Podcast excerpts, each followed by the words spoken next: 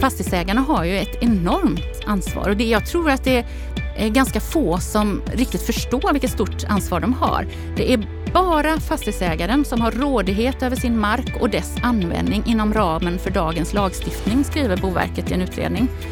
Eh, det är enormt kraftfullt. Alltså, eh, tänk att du vill utveckla en plats eh, till att bli en levande, attraktiv plats och fastighetsägarna inte vill vara med. Du kan inte göra någonting.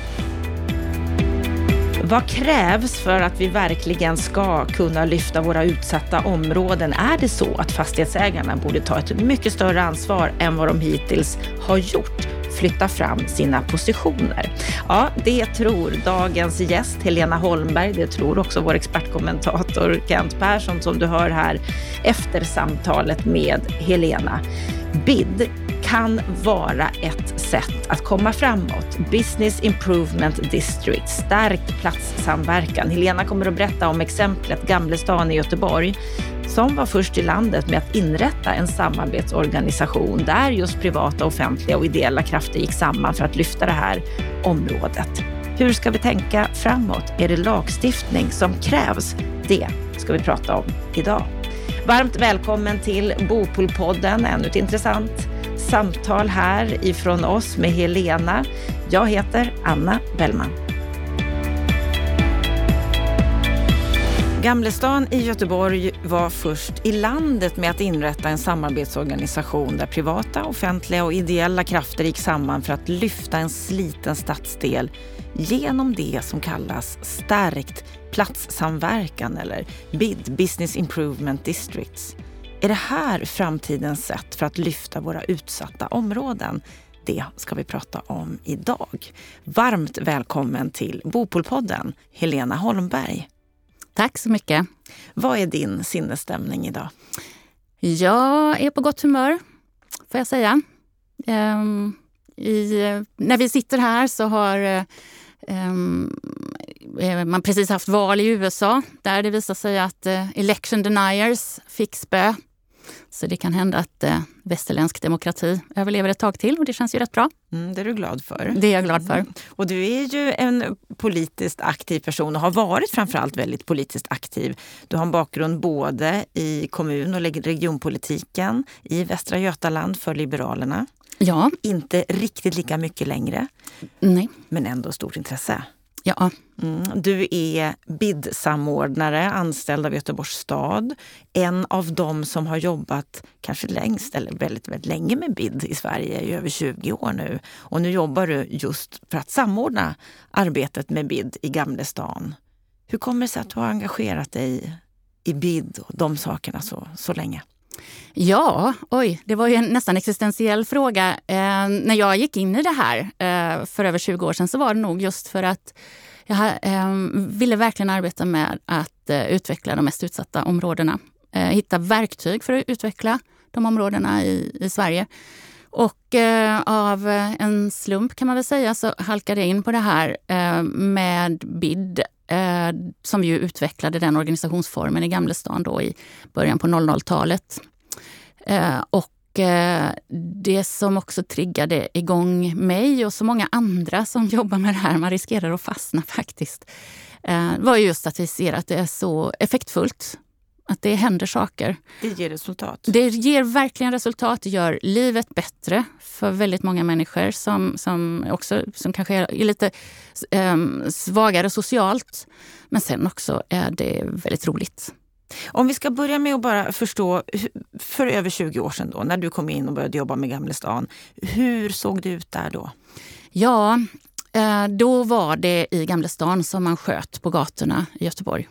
Det var eh, organiserad kriminalitet, den tidens eh, organiserad kriminalitet. De, de eh, ägde gatorna i stadsdelen kan man säga. Eh, men stadsdelen var också väldigt, väldigt förfallen. Eh, fysiskt förfallen, på väg mot förslumning. En stadsdel som Gud och Göran Johansson och alla andra hade glömt.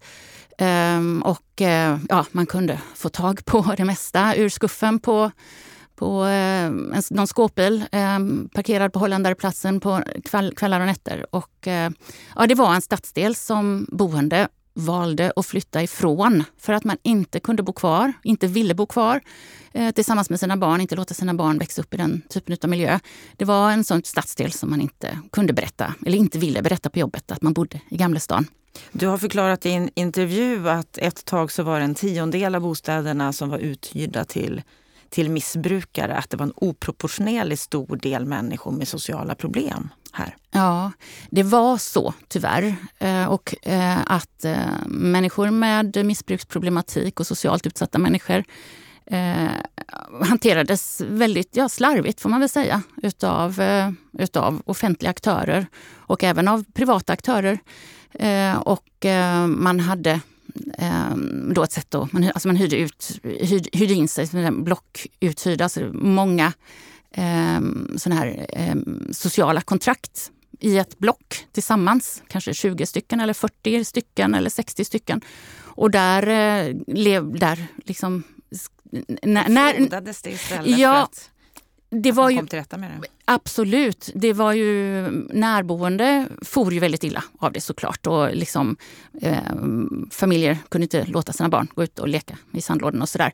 Men naturligtvis så är det ju först och främst de som bor där själva som också far väldigt illa. För det är ju inte lätt att ta sig ur ett missbruk till exempel om, om man lever i ett ständigt flöde av narkotika. Och, eh, ja. Mm.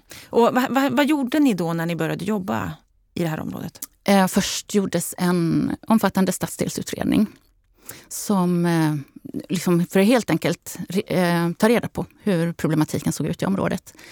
Eh, och eh, sen så var det, det var eh, det kommunägda Bostads AB Poseidon eh, som tog initiativet på ett väldigt tydligt sätt, finansierade den här stadsdelsutredningen och som också kom fram till det att fastighetsägarna äger nycklarna till att utveckla det här området, men vi kan inte göra det, tillsammans, äh, eh, göra det ensamma. Eh, kom ihåg att det här var ju liksom strax efter att gårdstensbostäder bildades till exempel. Så att eh, liksom där, där hade ju allmännyttan tagit ett grepp om, liksom tag, eh, om ett område som man ägde helt och hållet på egen hand. Men här var ju fastighetsägarstrukturen på ett helt annat sätt. Och på ett sätt som är mycket, mycket vanligare i samhället. Det vill säga en, en mångfald fastighetsägare och eh, också väldigt, väldigt många bostadsrättsföreningar. Och det är ju också en fastighetsägarstruktur som många av oss egentligen ser som positiv. Det är ju lite, lite roligare med en stad med en mångfald än eh, med bara stora eh, enskilda ägare. Hur som helst, utifrån detta så förstod ju Poseidon då att eh, ska vi lyfta den här stadsdelen så måste vi göra det tillsammans. Och då var vi iväg och tittade på BIDS, um, tog reda på vad det innebar. Eh, det är ju sådär, kan man åka på studiebesök någonstans i världen och har möjlighet att åka till New York så är det ju roligt att åka till just New York. Så det var vi i början på 00-talet där och eh, tog där. hem det konceptet, tog hem den inspirationen faktiskt. Och det ledde till att eh, fastighetsägarna i Gamlestan då bildade en ideell förening och den finns än idag. Den har finansierats utav fastighetsägarna själva ända sedan dess och vi pratar riktiga pengar. Det är liksom inte några, några symboliska medlemsavgifter utan det handlar om eh, eh upp till en och en halv miljon kronor per år samman, som eh, fastighetsägarna lägger ihop för att eh, liksom kunna driva verksamhet. Så de som ingår i den här samarbetskonstellationen, det är fastighetsägare? Det är fastighetsägare, ja precis. Finns det fler som ingår i det här samarbetet också? Det är, eh, det är fastighetsägare som är tillsammans i den här organisationen. Men sen så 2018, den här, det har ju varit en långsiktig utvecklingsprocess då såklart eh, under alla de här åren. Eh, och eh, och då har ju det skett i brett samarbete med eh, väldigt många aktörer. Eh, naturligtvis är ju kommunen är ju en, en, en, nyckelaktör i alla sammanhang och polisen. Men, men tillsammans med lokala näringsidkare, lokalt föreningsliv, massa enskilda boende och så vidare. Så det är en stor organisation? Eh, ja, det är ju... Eh, och sen 2018 så, så är det inrättat ett samarbetsavtal för att formalis formalisera det här samarbetet. Och, då, och sedan dess har vi också kallat det för BID Gamlestan. Då. Eh, och eh, där ju som sagt den här föreningen som fastighetsägarna har och Göteborgs stad, 11 förvaltningar och bolag och så Polismyndigheten har liksom inrättat en gemensam organisation och kallar det för då BID Gamlestaden. Och där, när ni då kom hem från New York, hade tagit inspiration därifrån, vad var det då ni gjorde? Ja, eh, det eh, var ganska många olika insatser. Och det som har varit väldigt, väldigt viktigt har varit att eh, till exempel jobba med lokalerna i gatuplan. Det fanns ju flera verksamheter då som drevs eller hade tagits över utav organiserad kriminalitet och att eh, få bort dem helt enkelt. Eh, ett ganska stort antal fastigheter i området ägdes och förvaltades av inte så seriösa aktörer eller aktörer som inte hade kraft att förvalta sina eh, fastigheter på ett eh, seriöst och bra sätt, ett sunt sätt. Poseidon köpte ut flera fastigheter i området vilket ju hade en enorm betydelse. Eh, och eh, en stor mängd fastighetsnära eh, trygghetsskapande, brottsförebyggande insatser. Eh, men också ett mycket, mycket stort antal eh, platsupprustningar där fastighetsägare och kommun gick ihop och samfinansierade. Och då kunde det handla om allt ifrån gatubeläggningar till bättre belysning till att eh, ha bättre skötsel av platserna och så vidare. Så en total upprustning av stadsdelen? Kan man en säga. mycket märkbar upprustning av stadsdelen. Som och vad har det gett för effekt? Hur, hur är situationen där idag? Eh, ja, det är ju något helt annat än vad det var då. Eh, nu lever vi ju i verkligheten då, så att det är verkligen inte så att Gamlestan är en problemfri stadsdel idag. Det ska jag verkligen understryka. Eh, men eh, det är ju ändå så att stadsdelen idag är en stadsdel där det byggs mycket nytt. Alltså det är många som vill investera i stadsdelen. Um, Gamlestaden blev, har blivit utpekad i översikts, Göteborgs stads översiktsplaner som en uh, nybyggnationshubb. Så befolkningen i stadsdelen fördubblas och, och kommer ju att växa ännu mer framåt. Och folk vill bo där idag? Folk vill bo där. Idag är det en stadsdel som folk väljer att flytta till snarare än, än en stadsdel som folk eh, söker sig ifrån. Och det är många saker, precis som du säger, som har bidragit till det här. Att, att det har Ver skett en sån förändring fast ni inte är färdiga. Verkligen, det är ju så. Och också, eh, det, det, det, är viktigt att förstå det här att man måste börja med de här ehm, eh, eh, trygghetsfrågorna, med de brottsförebyggande frågorna, med sunda förvaltningsstrukturer och bra Eh, alltså man måste börja nerifrån så att säga. Men sen när du, när du gör det och har gjort det ett tag, då är det också möjligt att göra det här som kanske är lite roligare. Eh, arbeta med, med evenemang i Gamlestan så är det fastighetsägarna som ser till att det är en, en stor stadsdelsfest. Under tio års tid eh, har har, är det fastighetsägarna som har arrangerat Gamlestadsgalej till exempel. Och eh, det är ju i den här samarbetsorganisationen som, som det finns mycket kraft. Det är så många som är så engagerade i Gamlestans utveckling idag. Så att, eh, liksom det, det, det, finns så oerhört mycket idéer och arbetsglädje. Och det, det, handlar ju om att utveckla stadsdelen som matdestination, utveckla lokalt näringsliv, utveckla levande platser eh, och också eh, landa i att Gamlestan ska kunna firas på ett bra sätt när Göteborgs stad firar 400-årsjubileum nästa år. Eh, och då är ju det, Gamlestan har ju en historik då där eh, det faktiskt var så att det var i, i Gamlestan som Göteborg grundades långt före Gustav II Adolf redan 1473. Så när Göteborg firar 400-årsjubileum nästa år så eh, blir Gamlestan faktiskt 550 år. Så och det är, det är ju en, det, av Göteborg kan ja, man säga. Det, och verkligen. den här skillnaden som du berättar om här, är det enbart tack vare BID-samarbetet som det har blivit den här förbättringen? Ja, det är ju naturligtvis eh, omöjligt att säga. För vi befinner oss i en komplex verklighet där det finns många faktorer som påverkar. Eh, det är klart att hade inte Göteborg mått så bra och utvecklats så väl som stad så hade ju inte heller delarna i Göteborg kunnat utvecklas så väl som Gamla stan. Eh, men eh, Eh, vår eh, legendariske före detta polischef, lokal, lokalpolisområdeschef Ulf Melander, han brukar säga det.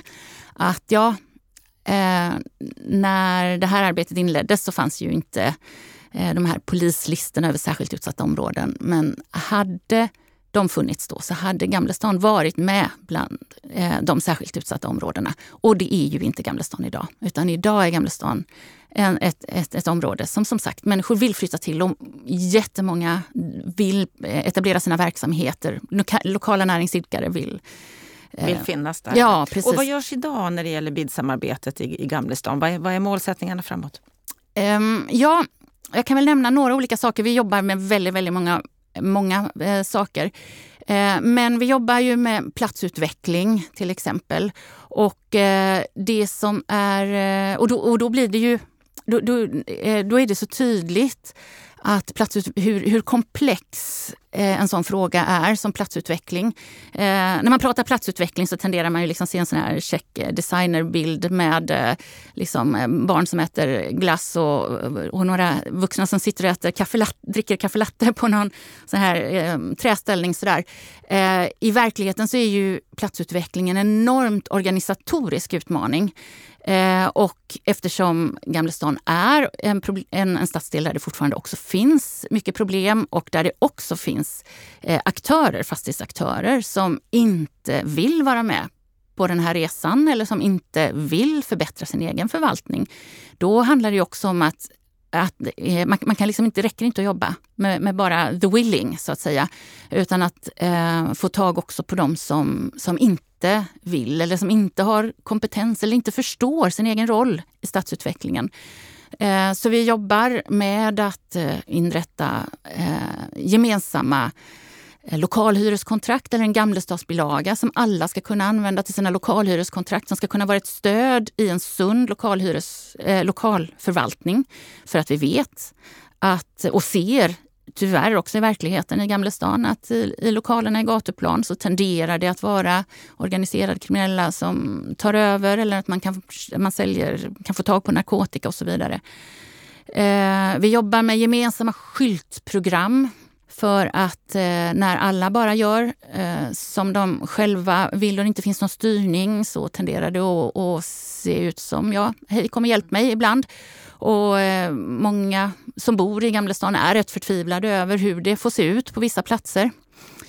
Så det finns mycket att göra? Det, det mycket förbättrad belysning är så här problem, en sån faktor som ägs av jättemånga. Det är liksom, den ena måste göra sitt och den andra måste också göra sitt. Annars så blir det inte bra med helheten. Så det är oerhört komplext. Och om vi skulle bara kolla på det här med, med just BID. Det har hänt mm. mycket i Gamlestan men det finns ju många områden i vårt land som består av just den här diversifierade fastighetsstrukturen som du nämnde här innan. Att det är inte bara ett fastighetsbolag utan det är många olika typer av upplåtelseformer och av bolag som, som äger.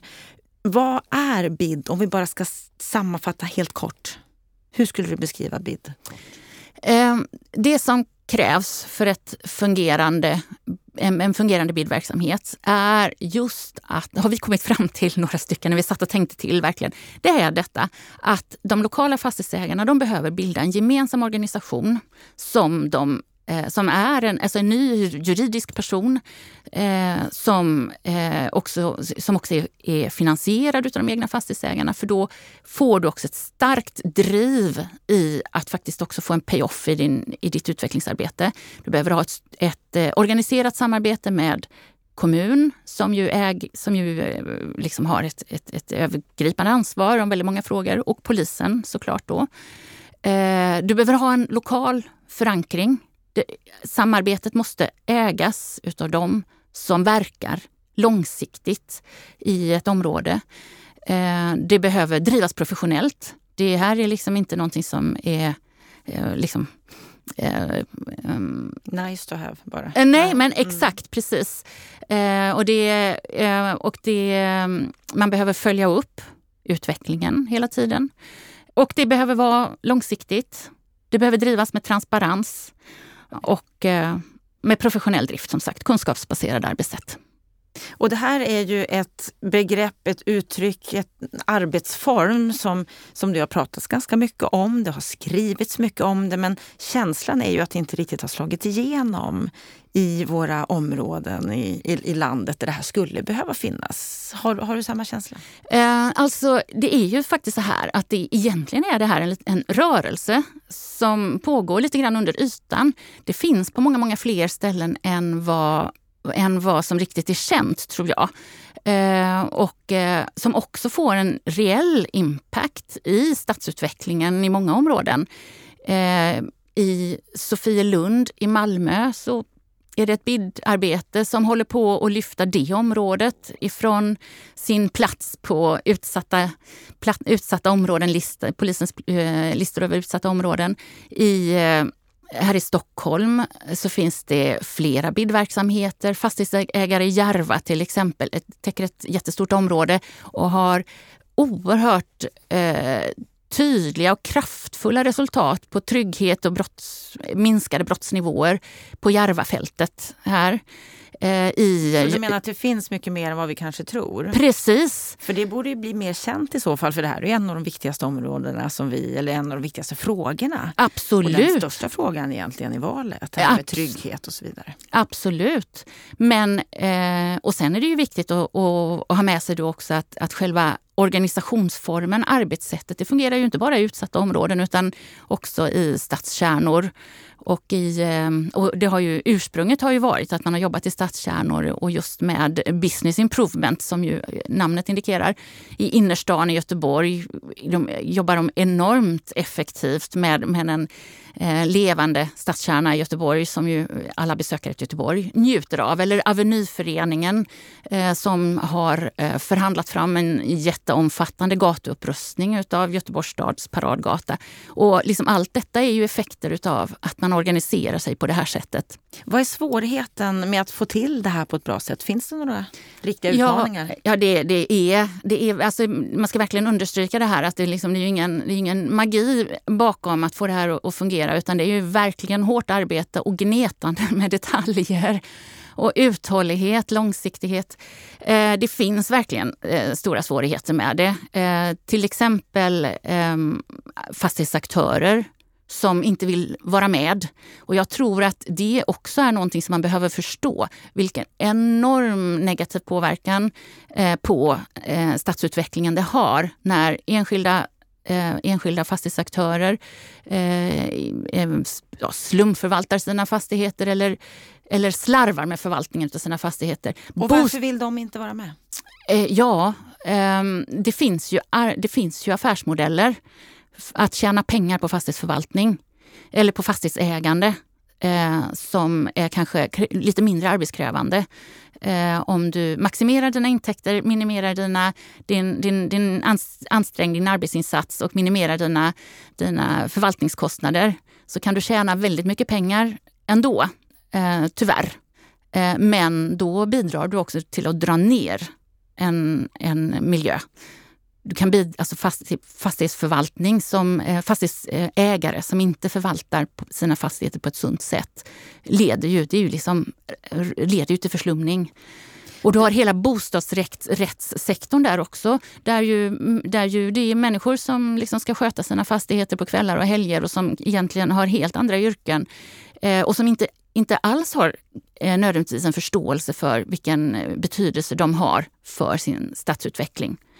Men om jag, förlåt om jag bara får säga det också, för du frågar om hinder. För det är ju klart också att det finns ju många berättelser där ute om fastighetsägare som tycker att de satsar jättemycket på att utveckla sina områden men att de inte får med sig sina eh, sina kommuner eller att poliserna sitter och lutar sig tillbaka och säger men eh, gör ni er grej, vi vill inte vara med. De berättelserna, jag, jag har inte varit med om det, men de berättelserna finns ju också.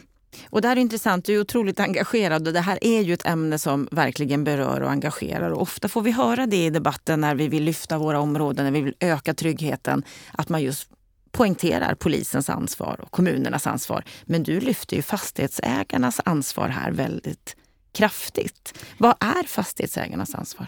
Eh, nej men fastighetsägarna har ju ett enormt ansvar och det, jag tror att det, Eh, ganska få som riktigt förstår vilket stort ansvar de har. Det är bara fastighetsägaren som har rådighet över sin mark och dess användning inom ramen för dagens lagstiftning, skriver Boverket i en utredning. Eh, det är enormt kraftfullt. Alltså, eh, tänk att du vill utveckla en plats eh, till att bli en levande, attraktiv plats och fastighetsägarna inte vill vara med. Du kan inte göra någonting. Så att fastighetsägarna har liksom ett enormt ansvar och också en enormt stor rådighet över... Eh, de sitter på väldigt, väldigt många verktyg som är väldigt viktiga för att upprätthålla trygga, sunda platser. Och det är kanske är någonting vi borde poängtera mycket mer. Verkligen.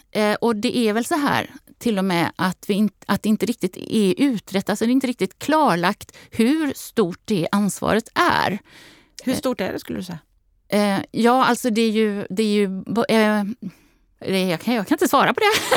Men det är väldigt stort i alla fall. Det, det är, ju, det är mm. väldigt stort, ja. Det är, du nämnde ju också bostadsrättsföreningar. Mm. Vad är deras roll?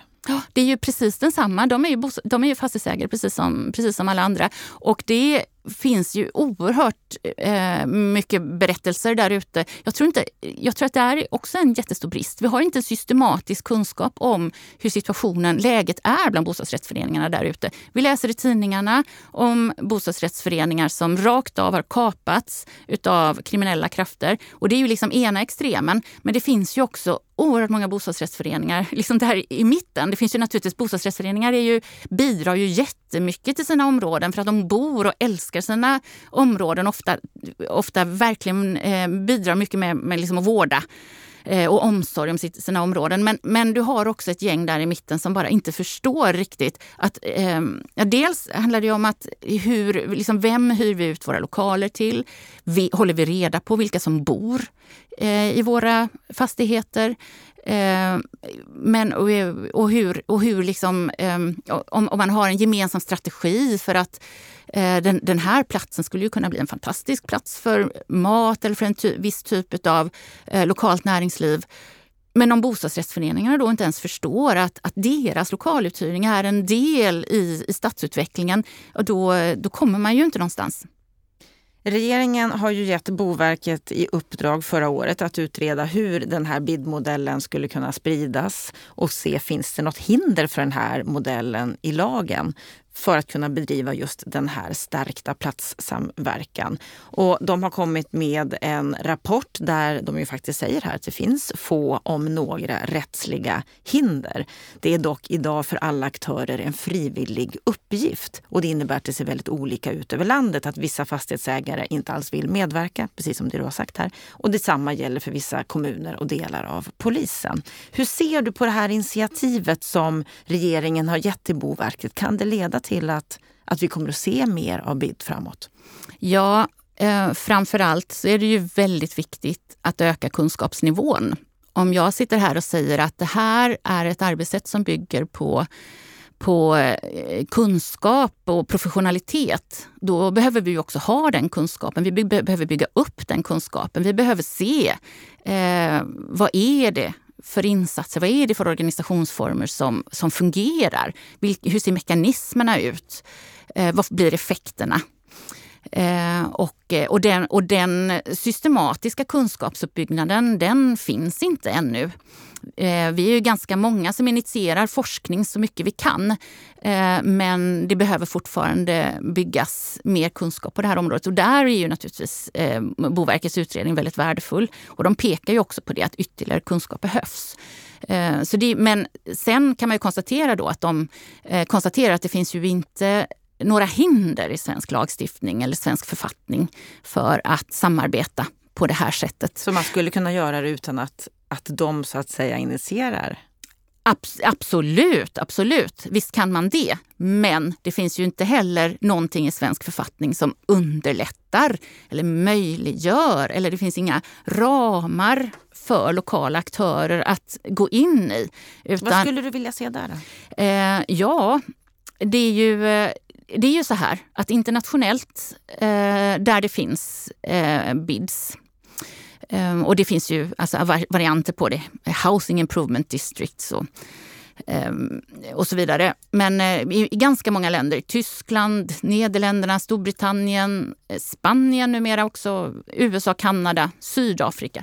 Där har man lagstiftning som ger ramar för Eh, för att inrätta sådana här bidområden. Och eh, de, där blir det också möjligt faktiskt att få in, eh, alltså att, att, att, tvinga aktörer att gå in. Man har en, man har en, en gemensam beslutsstruktur och när en majoritet av de lokala aktörerna bestämmer sig för att man vill inrätta ett, ett bidområde lokalt, då blir det också obligatoriskt för alla övriga, även om man inte vill vara med, att, att vara med och medfinansiera och, och, och engagera sig i det här. Eh, och det är ju liksom en rätt, eh, en rätt ingripande lagstiftning naturligtvis. Men kanske någonting vi skulle kunna se här också då? Det är ju så här, jag, det är ju väldigt intressant då att se att den nya regeringen har ju faktiskt skrivit det i sitt Tidöavtal att man vill möjliggöra den här typen av eh, författningsstöd för att göra det obligatoriskt för alla aktörer i ett lokalområde. Ja, det är ju intressant. För Tidöavtalet, där har vi ju gett mycket kritik till att det inte fanns någon bostadspolitik överhuvudtaget. Men just BID. Ja, ja, det var väldigt intressant. Jag eh, blev väldigt överraskad när jag såg det själv också. Men ehm, ja, det är ju, så det är, det är intressant att, att intresset finns eh, på regeringshåll nu då. Jag tror ju eh, att det krävs också att branscherna själva vill se den här typen av lagstiftning för att det ska kunna eh, bli Um, om det ska kunna bli av på ett bra sätt. Och vad är det som krävs från deras håll? Uh, ja, fastighetsägarna har ju tagit ty tydligt ställning emot att de inte vill se uh, någon tvingande bildlagstiftning. De tycker att alla sådana här insatser ska byggas på frivillighet. Um, det jag ser själv när jag har varit ute och rest och pratat mycket med internationella eh, kontakter och, och, vänner och kollegor och så vidare så, så betonar de ju att det som händer eh, det som har hänt där, hänt dem, är att när man arbetar tillräckligt länge på det här sättet så blir de som, de som tar ansvaret och de som finansierar, de lackar ur helt enkelt på kollegor som liksom bara agerar friåkare. Eh, och det skulle man väl kunna tänka sig att det skulle kunna hända här också, i Sverige också så småningom. Att man helt enkelt eh, tröttnar på att ta ett ansvar för andra som bara låter bli. Eh, men sen å andra sidan så finns det ju en, en, en, en annan det finns ett annat, en annan sida på det myntet också naturligtvis. Så att det, att det är klart att det är positivt eh, när allting bygger på frivillighet och att alla, alla vill vara med och att liksom alla drivs av god vilja och sådär. Men vi ser ju också i verkligheten att alla har inte den goda viljan. Eh, och det, det, är ju liksom, det är ju den verkligheten vi, vi har att, att jobba med. Vad, vad hoppas du framåt? Eh, jag hoppas på att få se en, en större kunsk systematisk kunskapsuppbyggnad på det här området. Vi behöver ha, veta mer om vad det är som fungerar och vad det är som inte fungerar. Både i organisationsformerna i sig, men också naturligtvis sen vilka metoder som är väldigt effektiva för att förebygga brott eller, och, och, men också skapa levande, eh, attraktiva stadsmiljöer. Eh, jag tror ju att man skulle behöva bygga upp någon form av eh, kunskapscentrum, kompetenscentrum på det här området. Eh, att, det, att man institutionaliserade det och att inte det är någon och att det är någon, liksom inte någon som själv ska sälja konsulttjänster och vara ute på marknaden och marknadsföra sig hela tiden utan att man kan ha en neutral aktör som liksom kan bygga upp den här kunskapen.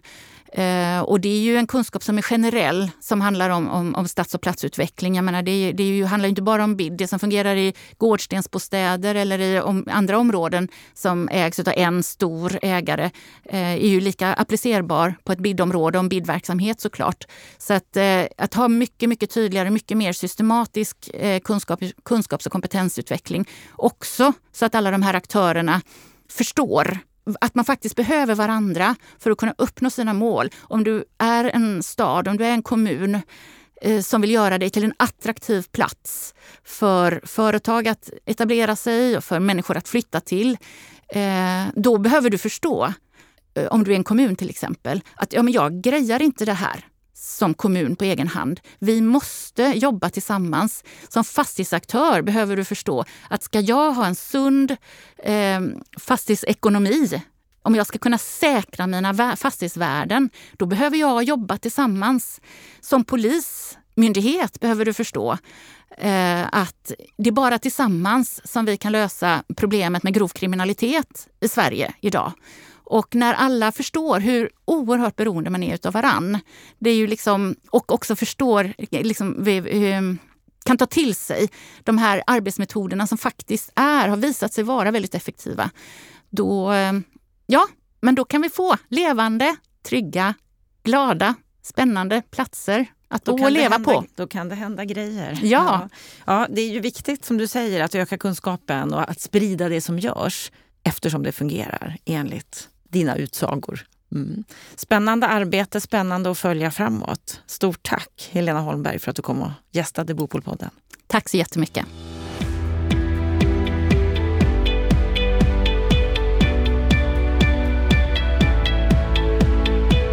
Ja, då har vi hört samtalet med Helena Holmberg om BID. Kent Persson, vad säger du om det här samtalet? Det var ett jättefint samtal och man berörs av hennes genuina engagemang. Eh, och det är klart att, att, när det handlar om de här frågorna med att eh, ta tag i tryggheten, bekämpa utanförskap och så, så att det måste också bäras av människor som är engagerade på riktigt. Och det är hon. Det går igenom, tycker jag, hela samtalet. Och det hörs hur engagerad hon är och det gör mig glad. Och hon menar ju att BID är verkligen något som kan skapa en stor skillnad, ger ju ett gediget exempel vad som har hänt i, i Gamlestan. Hur ser du på BID som form för att öka trygghet, förbättra våra områden? Ja, men det är ju ett sätt att kunna eh, få ihop samarbetet eh, på ett bra sätt och där alla som går in i det tar, tar ansvar vi har ju mycket diskussioner kring de här frågorna med, med otrygghet, trygghet, bryta utanförskap som bygger på en bättre samverkan mellan fastighetsägare, kommun, polis, civilsamhälle. Och där det brukar fastna i, eh, liksom, den goda viljan finns alltid, men det brukar fastna i att man inte hittar formerna och att man också faktiskt inte heller får fram pengarna till det.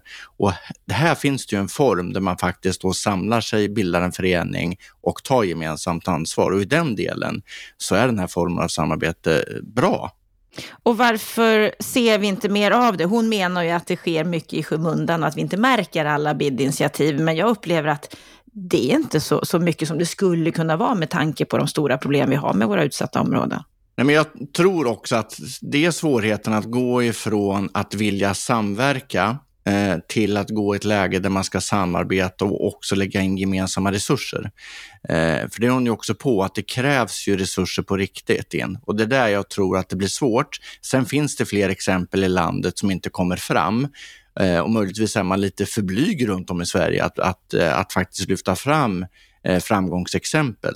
Men jag tror att svårigheten är, det är just detta att gå ifrån att samverka, ha lite mysigt till att faktiskt lägga pengarna på bordet. För det behövs.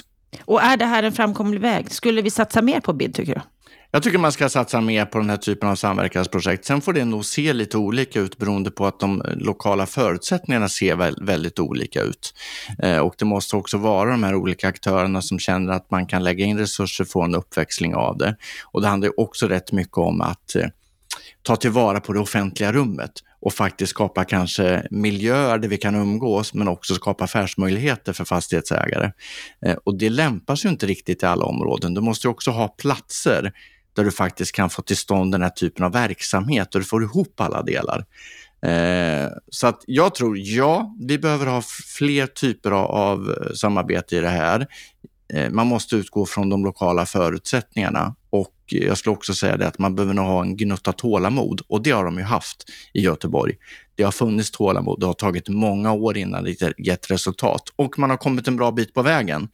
Men det är hon ju också tydlig med. Det återstår mycket innan man liksom är framme hela vägen. En sak som vi pratade om det var ju att det här är ett område som faktiskt tas upp i Tidöavtalet av den nya regeringen. Är det här någonting som vi borde lagstifta om? Det är intressant att regeringen har tagit fram detta eh, i Tidöavtalet. Eh, I övrigt så är det ju kliniskt rent på bostadspolitik, men här har man ändå liksom eh, tittat på det och det är klart att ur ett trygghetsperspektiv, bryta utanförskapsperspektiv, så förstår jag att man från politiken vill eh, snabba på processerna, men vi skapar bättre, bättre förutsättningar för att kunna komma på plats. För att det här handlar ju om att frivilligt komma överens om hur ska man samarbeta och vilka resurser lägger man in i samarbetet. Men det man tittar på från regeringen nu har signalerat, det är ju att lagstifta, det vill säga att man också ska kunna tvinga in fastighetsägare i den här typen av samarbete och lägga in resurser. Och det är jag mycket tveksam till. Eh, att, att liksom via lagstiftningen då övertrumfa äganderätten, det tror jag inte på. Jag tror att det kommer skapa konflikter snarare än att skapa ett gott samarbete.